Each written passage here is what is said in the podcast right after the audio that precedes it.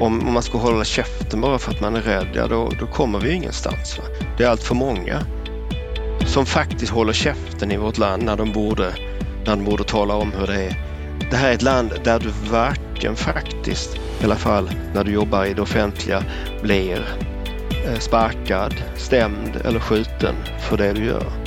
Så att eh, vi borde kunna vara lite mer modiga. Han skrev en omdiskuterad krönika på bostadspolitik.se i höstas där han starkt kritiserade sin egen arbetsgivare i Göteborgs stad för att det dels saknas en gemensam vision, att politikerna inte vågar förändra organisationen så att den fungerar för att bygga en hållbar stad, utan att man istället spelar strutfotboll.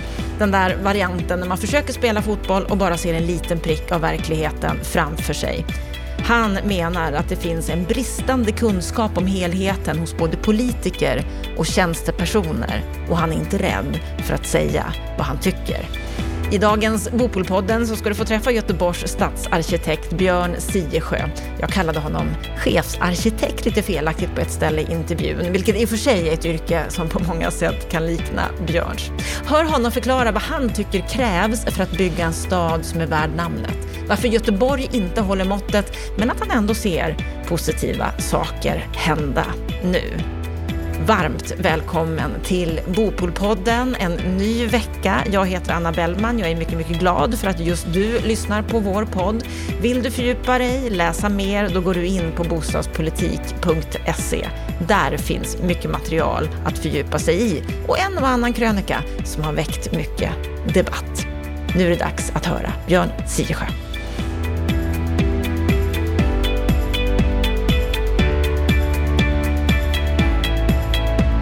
Nu ska vi få träffa Göteborgs stadsarkitekt som jobbade som murare i uppväxtstaden Lund innan han flyttade till Göteborg för att utbilda sig till arkitekt.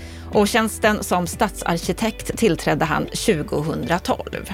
Som intressen gillar han att cykla och mura. Han har tydligen två betongblandare, ett i hemmet i Göteborg och en vid landstället. Och sommarstället det ligger i södra Frankrike på gränsen till Spanien fru och fyra barn och vad jag förstår så talar han hela sju språk varav skånska är ett av dem. Och det sägs om honom att han är en färgstark person som inte drar sig för att prata fritt om vad han tycker och tänker. Varmt välkommen till Bopolpodden, Björn Siersjö. Tack så mycket. Vad säger du om den här beskrivningen av dig? Var det en rättvis beskrivning? Ja, alltså det är nog bara en tre, fyra språk jag pratar helt obehindrat. Men visst, jag tar mig fram på några till. Eh, och murandet, ja, det, det, var en gång med försörjningen. Nu är det eh, semester. Ja, men då är det ett intresse, eller? Det är absolut ett intresse. Mm. Ja. Det är inte så ofta man får säga att, att mura är ett intresse, så där är du nog ganska unik Nej. ändå. Nej, jag kan fortfarande slå en spritputs med slev om det skulle behövas. Ja, Men eh, så är det. Ja, mm. härligt. Mm. Du, jag brukar alltid fråga mina gäster här i Bopolpodden vad som är deras sinnesstämning idag. Vad är din sinnesstämning idag? Ja, men rätt så gött för att jag, jag, eh, jag sitter ju hemma och jobbar nu eftersom, eftersom det faktiskt inte är några människor alls på jobbet.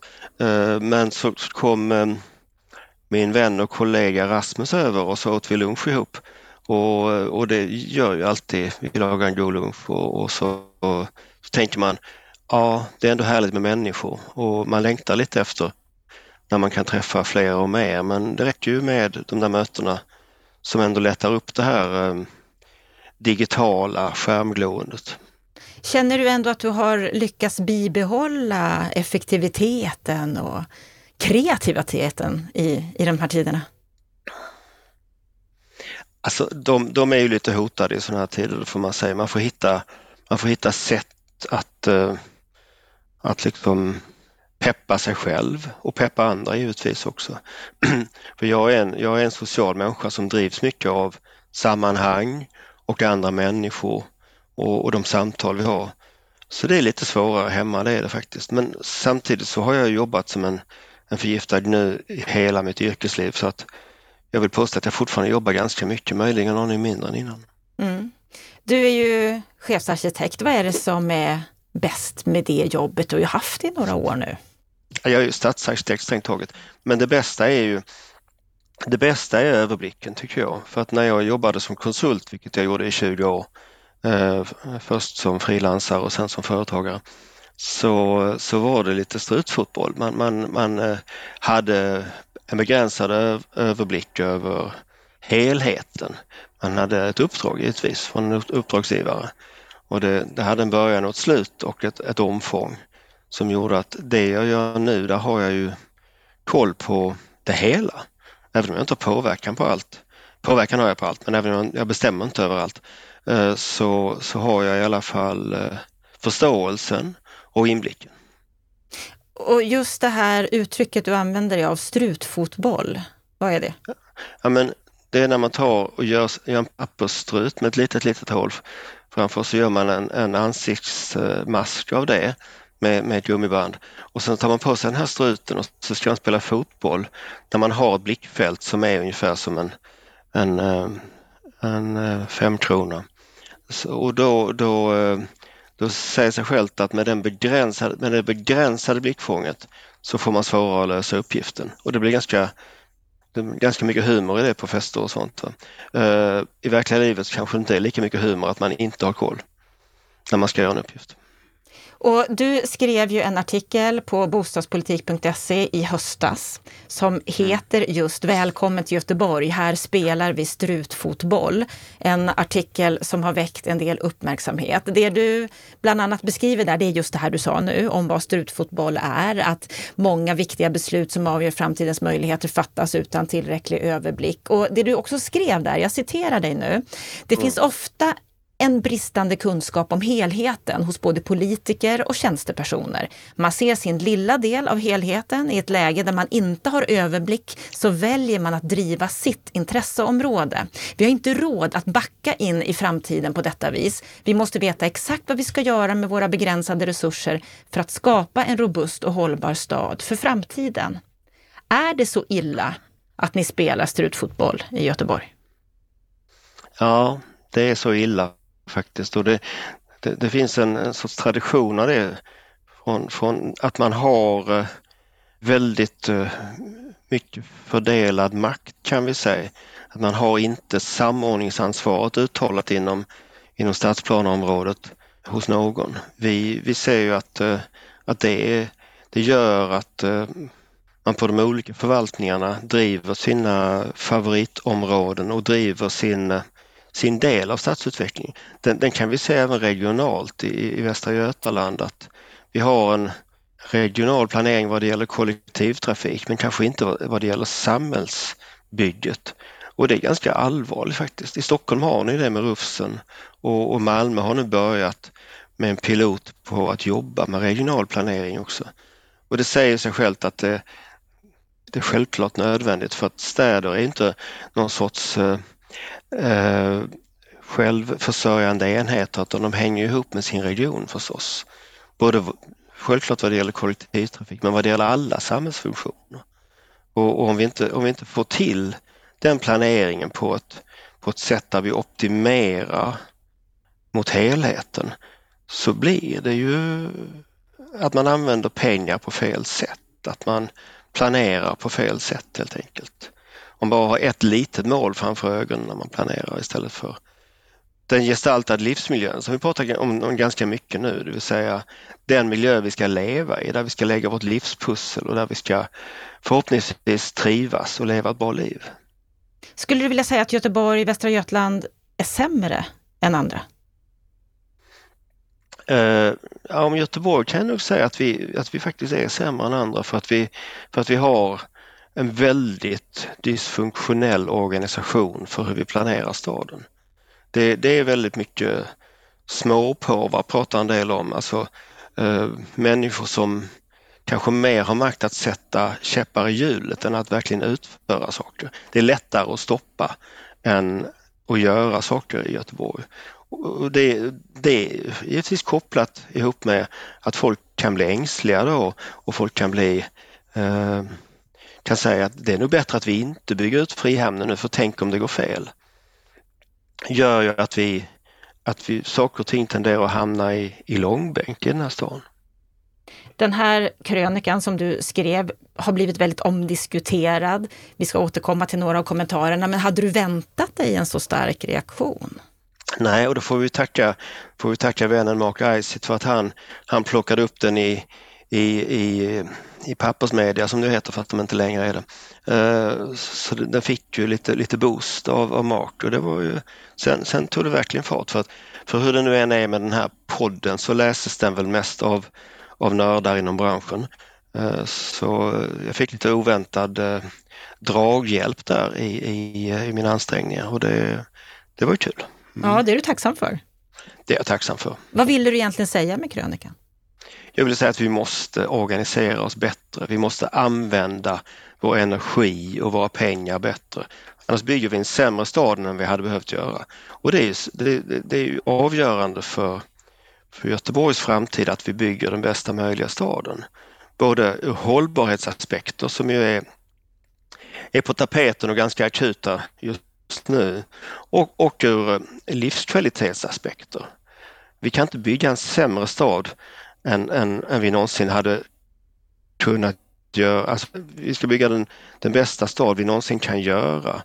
Både för de göteborgarna som redan bor här och för de som skulle kunna tänkas lockas hit eller motsatsen välja någon annan, något annat ställe att bo eller verka för att man tyckt livsmiljön är inte tillräckligt bra.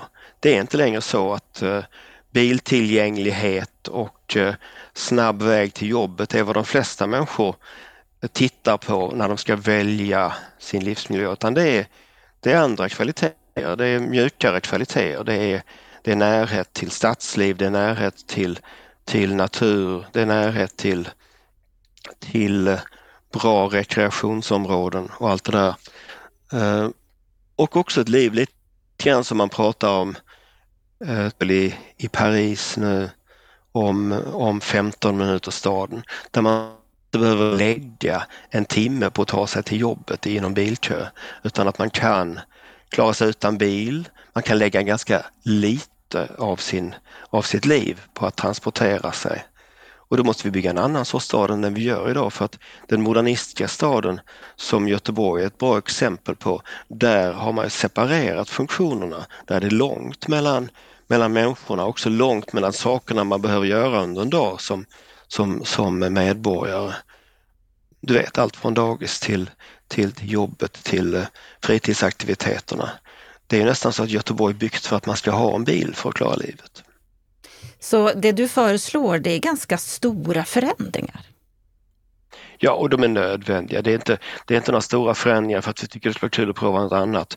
Om vi bara tar en aspekt på det hela, eh, den ekologiska hållbarhetsaspekten så, så måste vi bygga om städerna för att de, de, är, de är omöjligheter, de är, de är så självförstörande mekanismer som det är nu. Va? Vi förstör ju förutsättningarna för, vårt, för, för kommande generationers liv genom att leva vårt liv just nu. Va? Och, och det, det, det vet ju de flesta vid det här laget att så kan vi inte fortsätta för det kommer drabba även vår generation. Mm. Mark Isitt är du tacksam till för att han spred den här krönikan. Det han skrev det var att stadsarkitekt Björn Siesjö sätter sitt jobb på spel. Man får hoppas för stadens skull att de väljer att lyssna på honom. Vad har du fått för reaktioner från staden? Ja, alltså det finns säkert de som undrar lite stillsamt hur blir man av med en sån här stadsarkitekt? Men eh, jag tycker huvudsakligen jag fått positiva reaktioner och jag, jag fyllde ju 60 här i höstas. Och efter 60 så det här att bli av med jobbet känns ju i alla fall för min del som mer som ett löfte än ett hot. Så, att, ja, du är inte så jag, rädd jag för tänker det? att eh, Nej, jag har väl aldrig varit rädd egentligen och jag, jag är mindre än någonsin rädd för det. För att eh, om, om, man ska hålla käften bara för att man är rädd, ja då, då kommer vi ingenstans. Va? Det är allt för många som faktiskt håller käften i vårt land när de borde de borde tala om hur det är.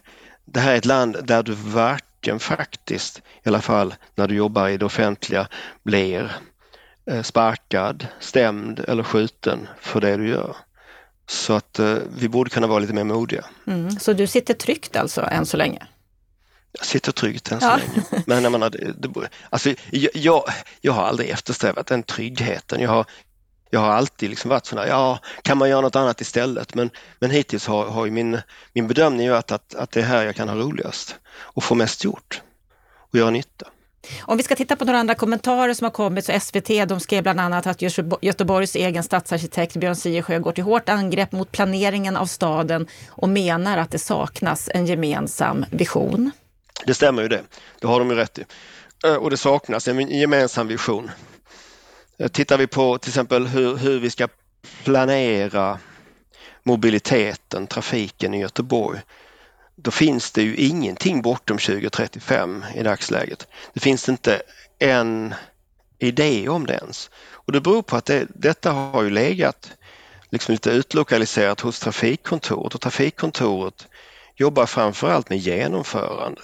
Visioner som, som varken är beslutade eller finansierade får man lite ont i magen av. Om man är den typen av människa som sysslar med den där, det handgripliga planerandet av, av asfalt och kantsten. Och det gör att man, man har ingen vision om, om stadens utveckling. Hur ska Göteborg se ut 2050? Det måste en storstad som Göteborg ha en bild av. Sen att den bilden förändras över tid, det är ju sin sak. Va? Eh, den bild man har av Göteborg 2050 motsvarar inte bilden vi har om två år om Göteborg 2052. Men, men vi, måste ha, vi måste jobba med visioner. Vi måste jobba med scenarier, vi måste tänka. Vi har ju nu också gjort en, en digital tvilling till Göteborg för att i förlängningen kunna provköra våra teorier om hur vi ska bygga staden. För nu är det ju så vet, att jo, vi får nog svar på om det var rätt eller fel vi gjorde när vi, när vi, när vi planerade staden men det får vi 20-30 år senare och då är det lite sent. Så att, men hur ska vi göra? Vi, måste, vi måste vara med. Ja. Mm. Hur ska vi göra så. för att veta här och nu att vi gör rätt saker? Ett sätt är ju, är att jobba med digitala simuleringar. Det blev vi ju bättre och bättre på. Om några år så skulle vi kunna liksom provköra den här staden som vi tänker bygga och se hur fungerar den då? Eh, självklart, kanske inte ur alla aspekter, men ur ganska många aspekter kan vi, kan vi göra det för att se att eh, det som vi till exempel egentligen vet att om, om man bygger fler vägar så kommer det mer trafik. Så man kan aldrig bygga bort trängseln vad det gäller vad det gäller privatbilism för det kommer alltid bli mer trafik istället då. Eh, och då, då, då, kan man kanske istället säga hur ska vi satsa istället för att bygga en, en fungerande stad med hög livskvalitet.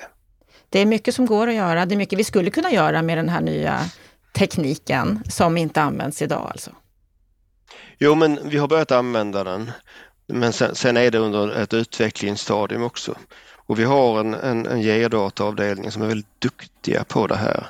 Och vi, vi, bygger, vi bygger också gränssnitt för att, för att den enskilde handläggaren ska kunna jobba med de här verktygen på ett enkelt sätt. Det ska inte vara något sorts expert mambo jumbo utan det ska vara ett bra verktyg i det dagliga planerandet av staden. Det här, det här att man kan, man kan ha tillgång till mycket mer information. Man kan samköra mycket mer information. Man kan förstå vad det är man håller på med på ett mycket bättre sätt. En sak som du tar upp mycket i, i den här eh, krönikan och som också är det som har vidare citerats sen, det är ju detta att ni i staden hade en utredning om en förändrad organisation i Göteborg. Mm. Eh, att gå från fyra nämnder, fyra förvaltningar till två, om jag har förstått det rätt. Mm. Men att det här var en organisation som inte genomfördes. Att politikerna var oroliga för att slå sönder ett fungerande system i ett skede med kraftig tillväxt i staden. Ja, ja. Varför vågade inte ja. politikerna göra det här? Varför vågade de inte gå linan ut? Nej men alltså, samtidigt så har vi tagit bort stadsdelsnämnderna och, och gjort om gjort om skolorganisationen så att man kände väl inom politiken att om man skulle kasta upp alla bollar i luften då, då, då kanske man inte visste någonting till slut. Jag tror att det var en felbedömning. Jag tror att eh, och det var också en felbedömning att det vi har nu inom, inom planeringen fungerar utan det, det är snarare så att vi hade nog behövt den, den omorganisationen. Nu får vi halta oss fram så gott det går och hoppas att, att vi kan få en större medvetenhet om att, om att vi faktiskt inte gör rätt och att vi faktiskt inte eh, gör det bästa för göteborgarna när vi håller på på det här viset. Och jag, jag ser ju, apropå så, har jag fått någon, någon respons? Ja, det har väl jag och andra fått för jag är inte den enda som säger det här. Jag tycker nog att politiken lyssnar och agerar utifrån det här ganska mycket större utsträckning nu än den har gjort tidigare. Så, så att jag, jag, är försiktigt positiv, försiktigt optimistisk runt att vi nog ska kunna få till det här inom loppet av några år, en bättre, ett bättre sätt att hantera våra resurser, ett bättre sätt att bygga framtidens Göteborg. Men kan ni göra det med den organisation som finns idag? Där det är så många som är involverade i samhällsbyggnadsfrågor? Nej, men som jag säger, det håller redan på att förändras. Det finns, det dras i olika trådar från politikens sida. Så att jag, jag menar, jag menar att det, det kan vi inte. Men, men den organisationen jag pratar om den, den, den förändras ju medan man pratar om det också så att säga. Även om vi inte har gjort det här stora övergripande där vi egentligen sa att man skulle skiva limpan på andra hållet. Alltså gå från eh, tidig planering, visioner till, till mer detaljerad planering, till genomförande, till förvaltning och dela det på det hållet så att säga istället för att dela det på um, fackområden. Det var många som var positiva till att du skrev den här krönikan och, och har gett dig bifall i det. Men någon som eh, kan man säga kritiserar dig här, det har med demokratifrågan att göra. GPs Adam Schweiman säger så här, förstår Göteborgs stadsarkitekt vad demokrati behöver? Och han menar då att när du både säger att Socialdemokraterna och Sverigedemokraterna har varit kritiska till ett förslag som ni har haft i staden, så säger du att eh, att det här är någon slags fullständig ytlig, fullständigt ogenomtänkt populism som faktiskt flörtar med totalitära tankar, att du tycker att det är allvarligt. Får politiker tycka till om arkitektur? Du tänker få tjänstemän tycka till menar ja. du? Mm. Ja, det menar jag att det får varje medborgare göra. Eh, det här som Schweiman och jag var, eller ja, som Schweiman var, var, var på var väl, var väl delvis andra frågor men, men rent allmänt om vi ska säga som det är så, så varje medborgare har, har självklart rätt att tycka till om saker och ting. Sen har vi ju ett, ett system där politiker, de folkvalda, i slutändan bestämmer. Men ska vi titta på hur det, hur det egentligen fungerar så, så är det helt omöjligt för en politiker som kanske är deltidspolitiker också att skapa sig kunskapen själv. Utan politikerna måste jobba på de underlag som tjänstemännen som presenterar i sina tjänsteutlåtanden och så. Eh, så det är ganska viktigt att vi har någon form av symbios oss emellan i detta. Att, att, och det, att det finns en tillit också från båda håll. Och det, när den saknas, ja då, då, blir det inte lika bra kanske. Eh, det är en svår sak det där. I många fall så tycker jag nog att det, att det fungerar. Politiken eh, litar på våra bedömningar till en viss gräns och kan ibland bestämma tvärt de bedömningarna när de tycker att vi är ute på hal is. Eh, och, och det systemet är viktigt för ett demokratiskt samhällsskick. Det är, så, det är så som det fungerar.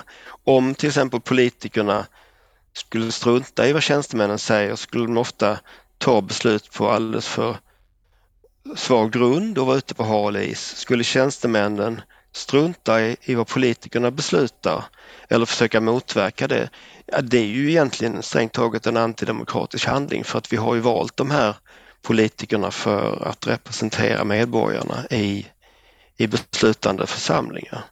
Så eh, politiker ska egentligen inte lägga sig i frågor som rör arkitekturen direkt? Nej, men, nej, men det sa jag inte. Mm. Jag, sa, jag sa att det ska de visst det. Men att det måste vara en symbios, en kunskaps och maktsymbios i detta för att det ska fungera väl. Makten, vilja... makten har politikerna, kunskapen har i hög grad tjänstepersonerna. Vad skulle du vilja se mer av ifrån politiskt håll för att ni ska lyckas bygga en stad som verkligen är den staden ni behöver på sikt?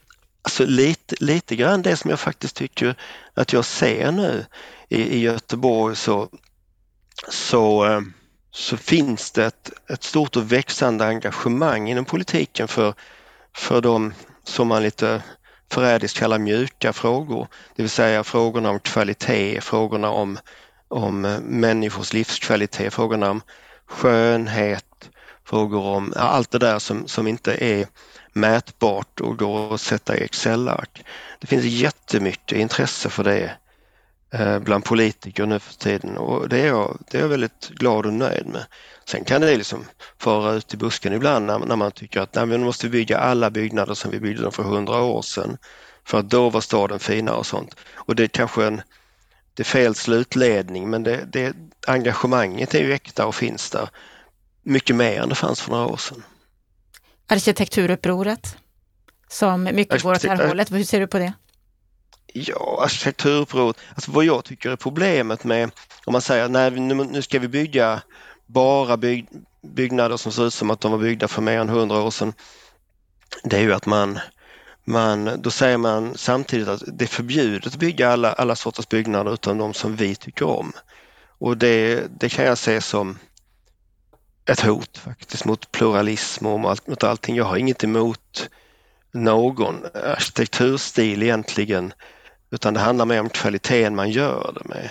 Det handlar inte om att nu måste vi bygga klassiskt pratar de ofta om och Ja, vad är det då? Är det som man byggde i Rom eller är det som man byggde i Grekland eller är det som man byggde i renässansen i Italien eller är det som man byggde i slutet av 1800-talet, sekelskiftet Sverige?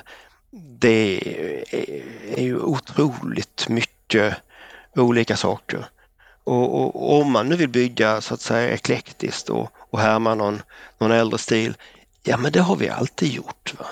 Och vi har härmat äldre stilar som av olika slag. Vi har också härmat modernismen i, i, vår, i vår arkitektur. På 90-talet var det väldigt mycket senmodernistiska efterapningar. Liksom så, alltså, så jag menar, det finns ingen det finns ingen ensam linje i det här och kan vi ha så mycket pluralism som möjligt och så mycket fokus på kvaliteten som möjligt inom arkitekturen och därmed också inom stadsbyggandet så då är vi på rätt väg.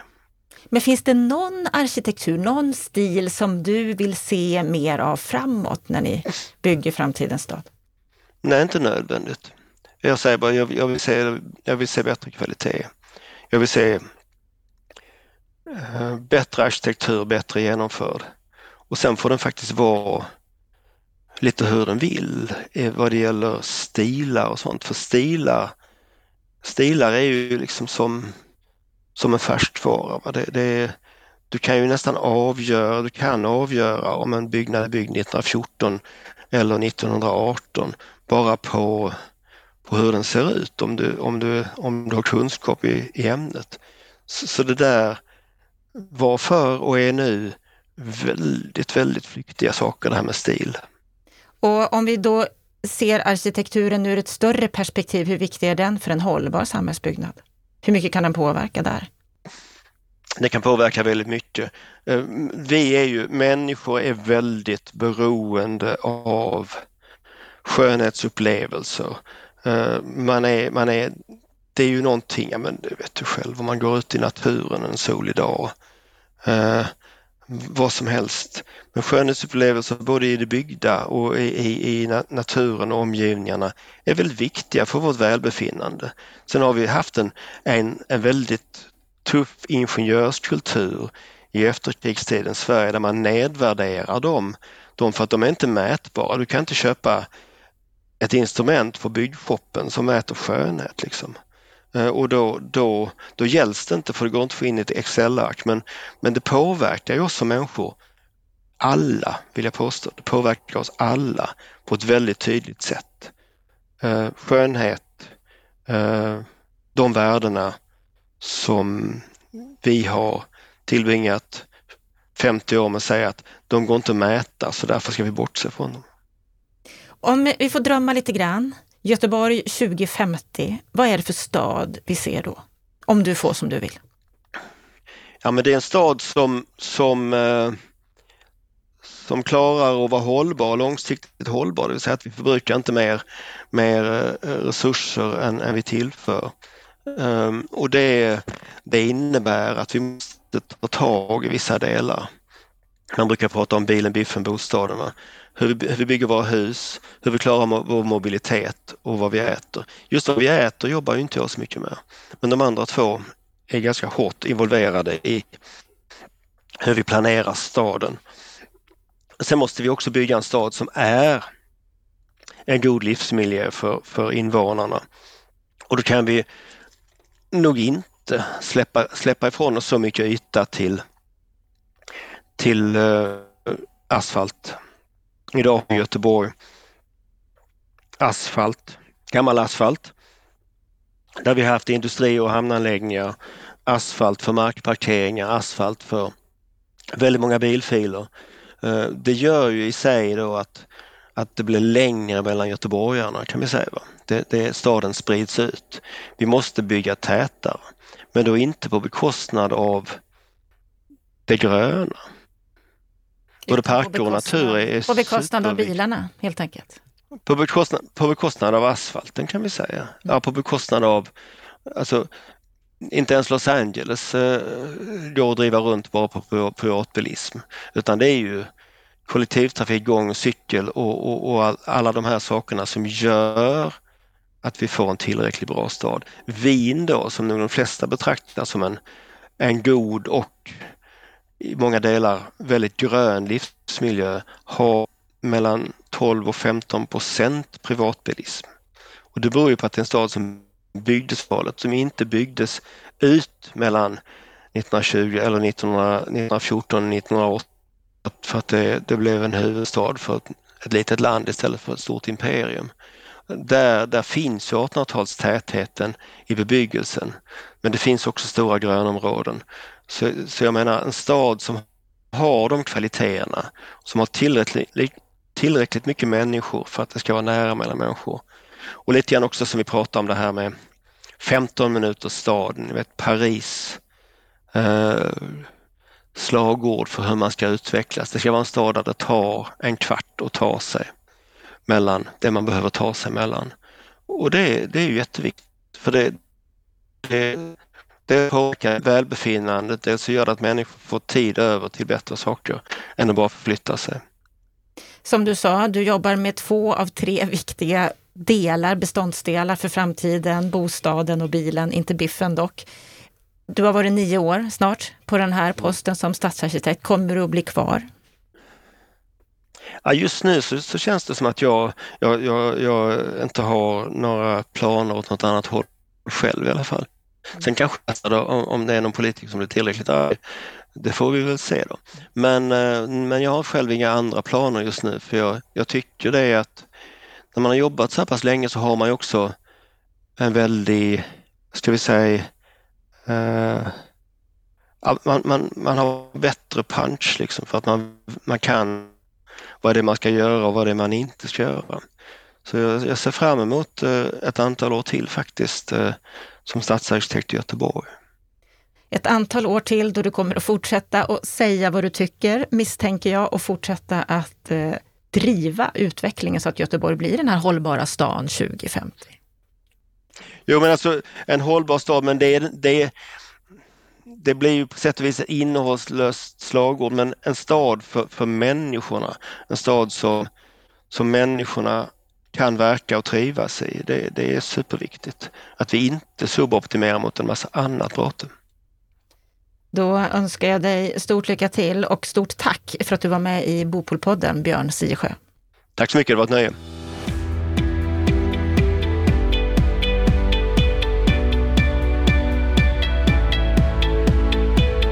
Då har vi hört samtalet med Björn Siesjö. Vad säger du om det här samtalet, Lennart Weiss? Ja, ja, alltså vi har ju häftiga personligheter eh, i den här podden som ju eh, verkligen plockar fram många spännande profiler som vi har i samhällsbyggnadssektorn i Sverige och det här var ett bra exempel på det. Ett väldigt hörbart och intressant samtal med en eh, mycket förankrad person eh, som har starka eh, syn, synpunkter på saker och ting. Eh, genomtänkt, orädd, integritet. Ehm, Eh, ja, spännande. Och han sa ju bland annat det att det är för många som håller käften i vårt land. Du är ju inte heller någon som är rädd för att säga vad du tycker, men håller du med honom att det är alldeles för få som vågar säga hur det egentligen står till? Ja, absolut. Eh, jag kan ju säga att eh, för mig blir det ju nästan så att när jag hör ett sånt här, en sån här intervju med en person som är just sanningssägare, eh, jag tror att det var du som kallade honom för det, så fattar jag en sorts eh, instinktiv sympati för en sån person. Eh, ibland, eh, alltså utan att alls hålla med i sak. Jag, jag gillar att vi har såna som Jan Guillou, att vi hade en sån som Myrdal, även om man hade helt stolliga åsikter och eh, Sven Stolpe för att ta någon annan och, och, och, och samma typ av profiler i samhällsbyggnadsdebatten. Sverige är på många sätt ett väldigt likriktat land Eh, där man bara kan ha, eh, disk diskutera en, eh, en sakfråga i taget och bara inta en åsikt i taget. Det finns någon sorts åsiktskorridor som ibland är väldigt kvävande. Nu vet jag att det där är ett argument som just Sverigedemokrater brukar anföra och, då, och, och, och i, det, i, den kontexten gillar jag inte alls synpunkten. Men det finns en sorts anpassningsvilja eh, Eh, i politiska miljöer, i byråkratiska miljöer där man försöker göra karriär genom att säga och tycka så lite som möjligt och det tycker jag heligt illa om och därför så måste jag säga att jag gillar Sisjös eh, svansföring. Det, det liksom vidgar perspektiven, det breddar debatten, det gör att fler vågar kliva in, det gör att fler vågar bryta perspektiv, så det där gillar jag. Han eh, skrev ju en väldigt omdiskuterad krönika på bostadspolitik.se som vi pratade mycket om i samtalet, bland annat om det här med att det saknas en gemensam vision i Göteborg och att politikerna inte vågar förändra organisationen trots att det skulle behövas. Kan du hålla med honom om kritiken? Jag kan Göteborg för dåligt, men, men, men eh, när jag hör honom eh, prata om Göteborg så får jag ju någon form av eh, flashback på mina egna, eh, min egen uppfattning om hur Gävle har byggts. Alltså den vackra, eh, täta stenstaden eh, övergavs på 50-60-talet för att bygga förortssatelliter som krävde bilberoende Eh, förortsstäder som, där man strikt delade upp småhus, flerfamiljshus, eh, upplåtelseformer eh, och, och där som tur var ändå skolan och köpcentrat var samlingspunkter. Men nu är inte ens skolorna det eftersom vi har fått en segregation i det avseendet. Och sen bygger man ett stort jävla köpcentra mellan Gävle och Sandviken som heter Valbo köpstad som har totalt förstört cityhandeln i båda städerna. Alltså det finns vissa paralleller här med Göteborg där man har byggt alldeles för mycket hyresrätt. Man har koncentrerat en upplåtelseform eh, i, i, i för, många förortsstadsdelar med förskräcklig, ensartad, teknokratisk, eh, urusel arkitektur av låg kvalitet. Eh, och samtidigt så är ju Göteborg en bilstad så att man har ju anammat ett väldigt starkt bilistiskt beteende. Och det har ju skapat ett antal strukturer som man med all rätt kan ifrågasätta. Sen kan jag ju undra har, skedde det, den här utvecklingen i Göteborg respektive Gävle planlöst eller utifrån en övergripande idé? Där är jag inte lika säker som Björn. I vart fall i Gävles fall så kan jag väldigt tydligt se att det fanns en, en, en stadsplaneringsidé som byggde på den funktionsuppdelade staden. Och det är i många stycken ett stort misslyckande. Jag, jag skulle säga att den täta integrerade staden, eller i vart fall den integrerade staden, den behöver inte alltid vara tät. För jag menar, jag menar att trädgårdsstäderna som Eh, till exempel Stockholm har ett antal sådana här vackra enklaver, är ju också en tät stad, men det är en grön stad i en annan skala och, de här sakerna menar jag skulle kunna samspela på ett annat sätt. Så det, för mig handlar det inte bara om en tät stad med, med rätt så höga hus, utan det kan också vara en tät stad med en låg bebyggelse och eh, mera gröna inslag som våra trädgårdsstäder. De här två sakerna borde kunna hänga ihop. Men Göteborg är ju varken eller. Det vackraste med Göteborg är ju den eh, innerstaden. Ehm, jag menar, när jag kommer till Göteborg så är det ju också Haga eh, som jag söker mig till och ja, eh, centrala delarna av Göteborg med Avenyn och så som jag tycker är stora skönhetsvärden. Sen kan jag också slås av att, att det, det finns fläckar inne i Göteborg som ter sig väldigt glesa samtidigt. Det känns ju som att man hade kunnat bygga mycket mer i det centrala Göteborg, men man valde istället att bygga Eh, rätt så trista förorter. Och jag säger igen, var det, skedde det planlöst eller skedde det utifrån en idé? Det kan inte jag besvara, men, men att det på många sätt finns eh, stadsbyggnadsmässiga eh, utmaningar i Göteborg, det är minst sagt uppenbart. Det uttryck som Björn använder sig av, det är ju att man spelar strutfotboll att bara se en liten prick av verkligheten framför sig, att det finns en bristande kunskap om helheten hos både politiker och tjänstepersoner. Kan du känna igen det? Absolut, det men det är ju... bristande helhetstänk? Ja, absolut Anna, men det gäller ju inte bara Göteborg. Det, det är ju en följd av det expertsamhälle som vi har byggt under egentligen sen, sen, sen, kriget och framåt. Alltså den här sektoriella samhällsplaneringen där var och en tar ansvar för sitt rör. Det kallas ju ofta för stuprörspolitik också. Va? Så ska det där ersättas med hängrännor. Du hör vad flosklerna eh, haglar här va? Eh, som metaforer. Alltså helhetsperspektiv är en nödvändig förutsättning för att politiska beslut ska bli bra. Och, och där kan jag tycka att hans resonemang i demokratifrågan eh, hade kunnat eh, utvecklas lite därför att jag, jag ser inte arbetsfördelningen mellan politik och tjänstemän så enkelt som att det, det är en fråga om eh, alltså en kategorisering i makt respektive kunskap. Det tycker jag nästan är en oförskämdhet mot politiken. Vad politiken dock ska uh, ha som sitt huvudsyfte, det är ju att binda ihop olika typer av målkonflikter. För det, det är ju inte så att det finns en kunskap, det finns ju kunskap om många olika saker. Arkitektur är ju till exempel i sig en, en multidisciplinär akademisk kompetens som, som har till syfte att foga ihop eh, eh, gestaltning med skönhet, med funktion. Va? Och sen finns det ju andra discipliner som behövs för att vi ska kunna få ihop en, en fungerande och livskraftig stad. Och det är politikens uppgift att väga ihop de där sakerna. Då kan man inte säga att politikerna ska lyssna på professionen. Ja, vilken profession? Politikerna ska väga ihop synpunkter från professionen, men politiken ska också vägledas av ideal, värderingar, föreställningar om ett gott samhälle. Det kan inte vara en tjänstemannafråga.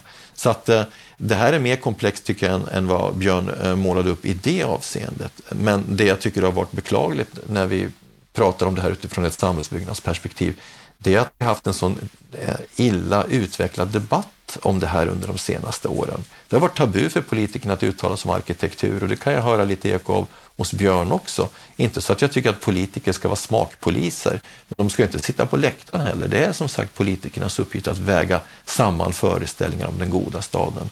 Och där tycker jag att vi på många sätt har halkat helt snett i Sverige under efterkrigstiden i ett planeringsideal där vi liksom planerade bort sociala möten mellan människor. Vi skapade stora avstånd. Så att jag håller med Björn i mycket och i andra aspekter så kanske jag antingen inte förstår eller, eller fullt ut hans tanke eller inte har tillräckliga kunskaper. Men, men jag skulle vilja uppmana läsarna, eller lyssnarna, att, att eh, parallellt med att ni lyssnar på den här podden, eh, alltså Samtal med Björn, så tycker jag också att ni ska läsa eh, Ulf Perbos krönika i den här veckans bostadspolitik.se.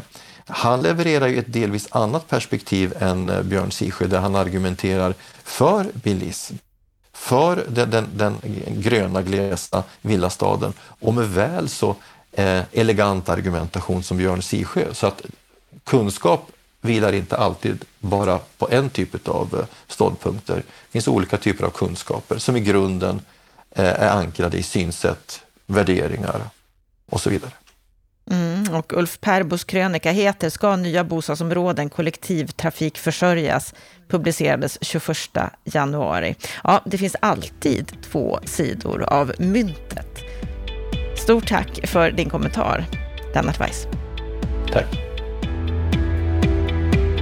Då har vi hört samtalet med Björn Siesjö och Lennart Weiss kommentar. Då är det dags för en repris av veckans Aktuellt som vi sände i fredags.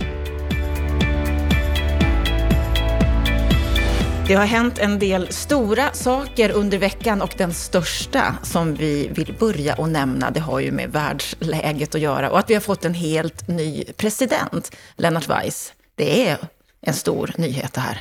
Ja, det är en, det är en så stor nyhet att det, att det är en känslosam nyhet. Jag måste säga att i hela mitt vuxna liv när jag varit politiskt intresserad så har nog inget politiskt val eh, varit så eh, engagerat mig så mycket och, och, även påverkat mig faktiskt känslomässigt.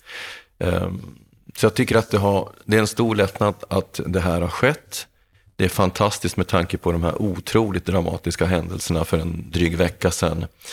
När jag såg det där själv i realtid så tänkte jag, nu jävlar kommer de att, att, att tända eld på kåken. Nu har vi en ny historisk riksdagshusbrand.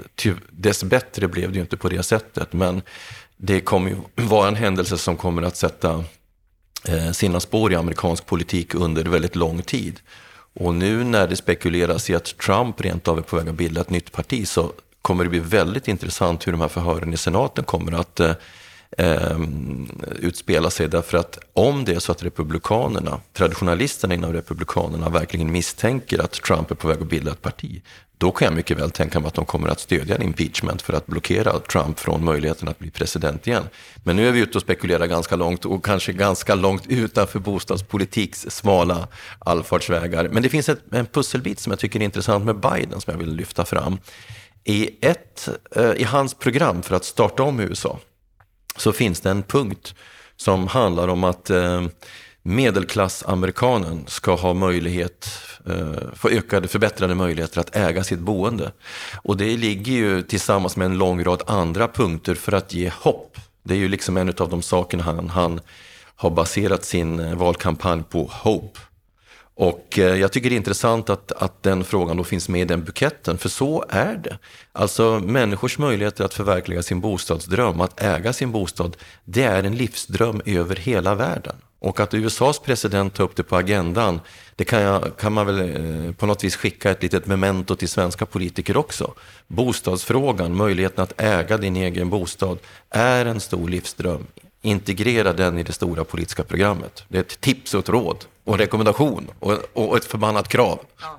Och det är ju någonting som vi har pratat mycket om och kommer fortsätta att prata mycket om. Och när det gäller de nyheter, de svenska nyheter som vi har att ta upp den här veckan så är det ju framförallt en som riktar sig mycket mot det. Och det är ju att Ola Johansson, som är bostadspolitisk talesperson för Centerpartiet, han slår ett slag för det han kallar för Bauspara. Vad är det han vill ha här? Ja, det där bygger ju på de tyska bosparkassornas sparmodell.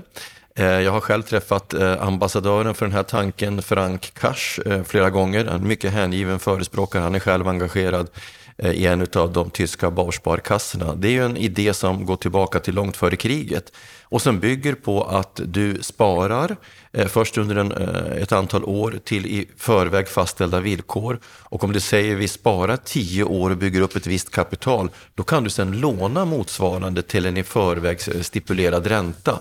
Man kan säga att det är en sorts variant, fast mycket mer avancerad variant och mer kraftfull variant än den svenska banken JAK, Jord, arbete, kapital, då, som bygger på i princip eh, eh lån utan, eh, utan eh, kapitalränta. Eh, det, och JAK har ju aldrig lyft för att de har inte de här underliggande mekanismerna som Bausparkassorna har. Jag tycker personligen att, att idén är intressant. Eh, jag tycker att det är bra att Centern och Ola Johansson har tagit det här till sig. Därför att det är egentligen, efter allt mödosamt fotarbete som Frank Cash har gjort, så har han egentligen bara fått hugg på ett ställe ordentligt. Och det är hos Ola Johansson. Jag är osäker på om jag tycker att det här är den bästa modellen för bosparande. Men eh, i det här läget så tycker jag inte att det är så viktigt att hålla på och, och föra en, en, diskussion om vilken modell som är bäst. Om det är den norska eller eh, den, den brittiska eller den kanadensiska eller den australiska. Ehm, det tycker jag just nu är sekundärt. Det viktiga är att frågan kommer upp på agendan. För att om vi ska möjliggöra för eh, unga familjer eh, människor som har hyggliga inkomster men som saknar kapital att kunna förverkliga sin livsdröm så behöver de kapital på ena eller andra sättet. Så jag tycker att Ola Johanssons inspel ska hyllas. Jag tycker att man borde tillsätta en utredning för att eh, analysera olika alternativa modeller för att bygga upp ett bosparande. Och då kan Bauersparandet vara med som en, ett förslag i, i mängden. Sen ska vi veta att det är ju starka intressegrupper i Sverige som är emot Bausparande. Hela banksektorn. De vill inte ha en konkurrent till. De förtalar det här. De tycker att den svenska banksektorn är fan så mycket bättre. Och samtidigt så förhåller de sig ganska avvaktande från bankföreningen och, banksektorn i stort till just bosparande. Eh, då tycker de liksom att generella sparformer är att rekommendera. Varför då? Jo, därför att det gynnar banken det är bra för banken att liksom folk gör insättningar. Men jag tror att om, om sparandet generellt sett hos hushållen ska öka för, ett, för den här typen av ändamål, då är bosparande bra. I någon allmän mening så har vi inget underskott på sparande i Sverige. Det, problemet är bara att det är fel grupper som sparar. En, en undran här, vi pratar ju mycket om det här med bosparande, att, att vi kikar på olika exempel som vi borde ta efter och så vidare. Finns det utrymme att ha flera olika modeller när det gäller det här för olika grupper? Skulle det kunna vara en lösning? Eller försöker vi hitta en modell som ska lösa allt och så misslyckas vi där? Ja, det där är en intressant och bra frågeställning. Därför att liksom BAU-sparandet till sin karaktär drivs ju av Bausparkassorna som är någon sorts eh, halvkooperativa kassor. Va? Eh, och det är klart att skulle vi få en sån struktur i Sverige, det skulle vi kunna få bara de får eh, ett, ett banktillstånd. Eh, då skulle ju det kunna vara en privat aktör som så att säga driver det här på ungefär samma sätt som de kooperativa sparkassorna i Sverige har drivit bosparandet historiskt. Problemet är ju bara att om det ska bli attraktivt så behövs det någon typ av stimulans i det hela. Speciellt för grupper som har det ekonomiskt knapert. Och då är vi ju inne på att politiken måste hjälpa till. Och det som är poängen med den norska modellen, det är ju att det till del är ett skattesubventionerat sparande. Så att en del av det du sparar kan du dra av utav din deklarerade inkomst och på det sättet så minskar du din inkomst. Det vill säga du gör det mer attraktivt att spara. Och jag tror att den typen av kombo behövs. Men det är definitivt bra med en mångfald olika sparformer. Jag tycker nog själv att skulle man införa ett bosparande så bör man vara öppen för att subventionera olika typer av sparformer. Det kan ju också vara ett medskick då till våra politiker. Absolut, det, det är ett bra medskick. En annan sak som vi också då kan koppla till Bidens vilja att se till att boendet ska vara för, för alla medborgare, det är en nyhet som eh, Dagens Arena kom med häromdagen, där de lyfte detta med det extra bostadsbidraget som vi har haft under pandemin här, som ju dras in med stora rubriker att det här är helt förfärligt. För det var ju faktiskt så att här i maj så kallade socialförsäkringsminister Ardalan Shekarabi till presskonferens och gav ju beskedet att vi ska ha en tillfällig höjning av bostadsbidraget för barnfamiljer. Det här är någonting som inte förlängs nu efter nyår. Ett besked som både förvånar och upprör. Vad säger du om det här? Vi har ju fortfarande en pandemi.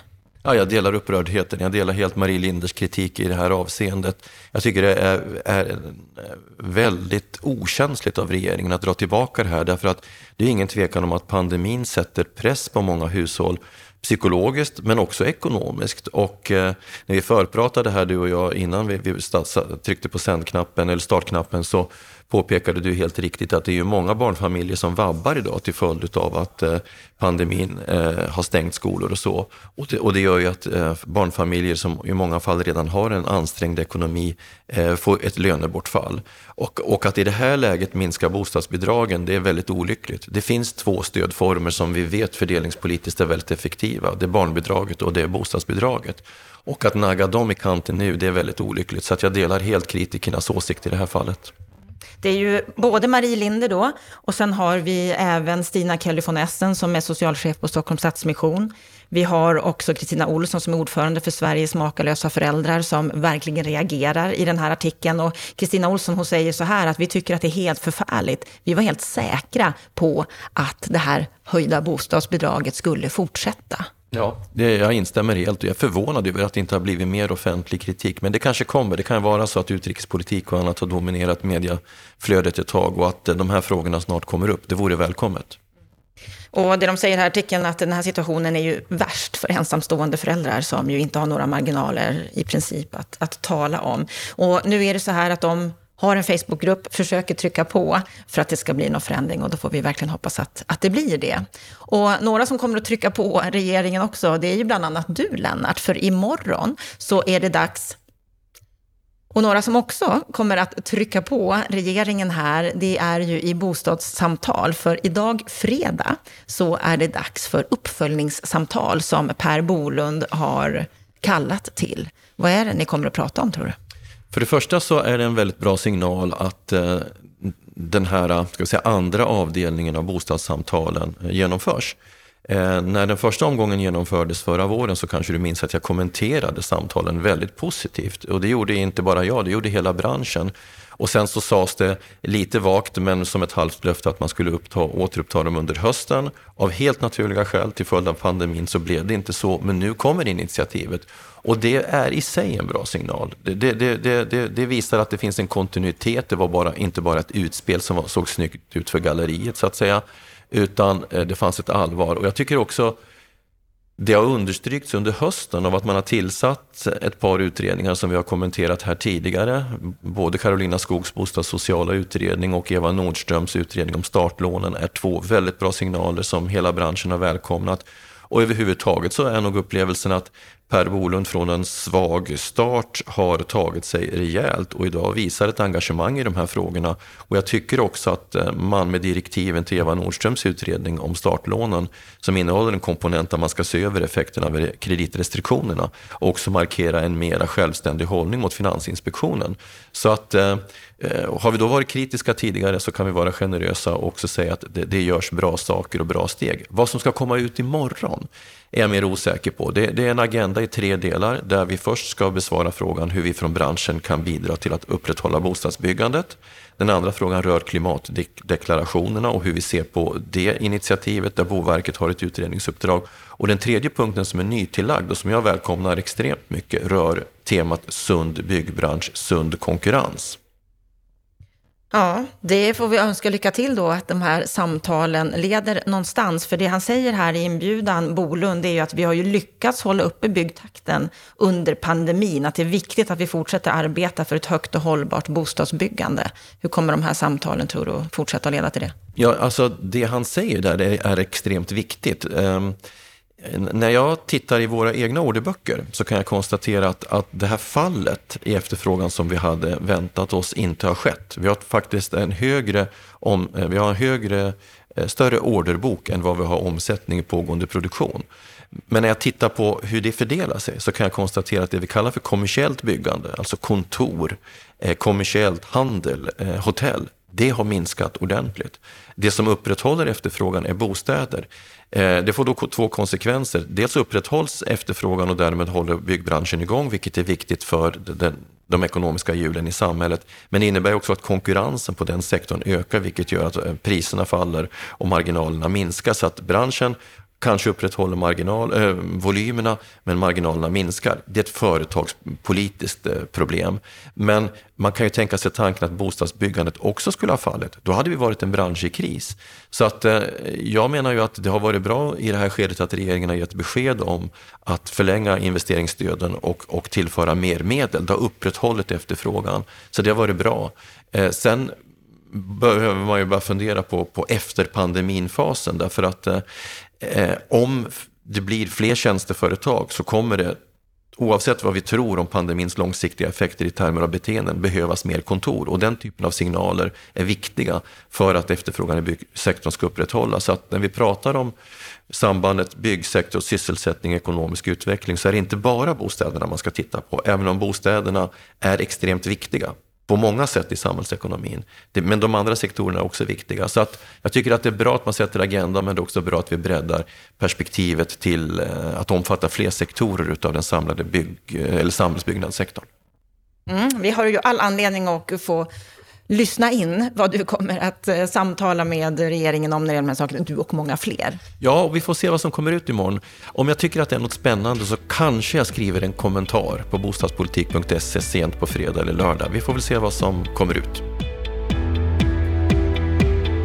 Han tycker att det är för många som håller käften i vårt land. Ja, det kunde du höra i samtalet med Björn Siesjö. Vi får hoppas att det var många som vågade säga vad de tyckte när de träffade regeringen här i fredags och att det fortsättningsvis är många som vågar säga vad de tycker så att det blir förändringar, så att vi får en bostadsmarknad som håller för alla medborgare i vårt land. Vi kommer definitivt att följa vad som händer och sker inom det här området på Bopolpodden under 2021 och jag hoppas att du följer med oss. Stort tack för att du lyssnat den här måndagen. Jag önskar dig en riktigt, riktigt bra vecka och lyssna på veckans Aktuellt. Vi är tillbaka på fredag.